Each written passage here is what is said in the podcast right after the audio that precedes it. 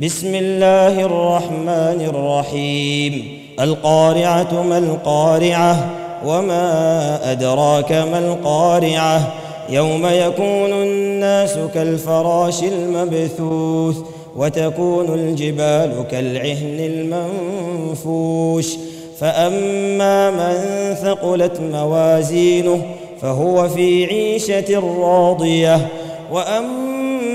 من خفت موازينه فأمه هاوية وما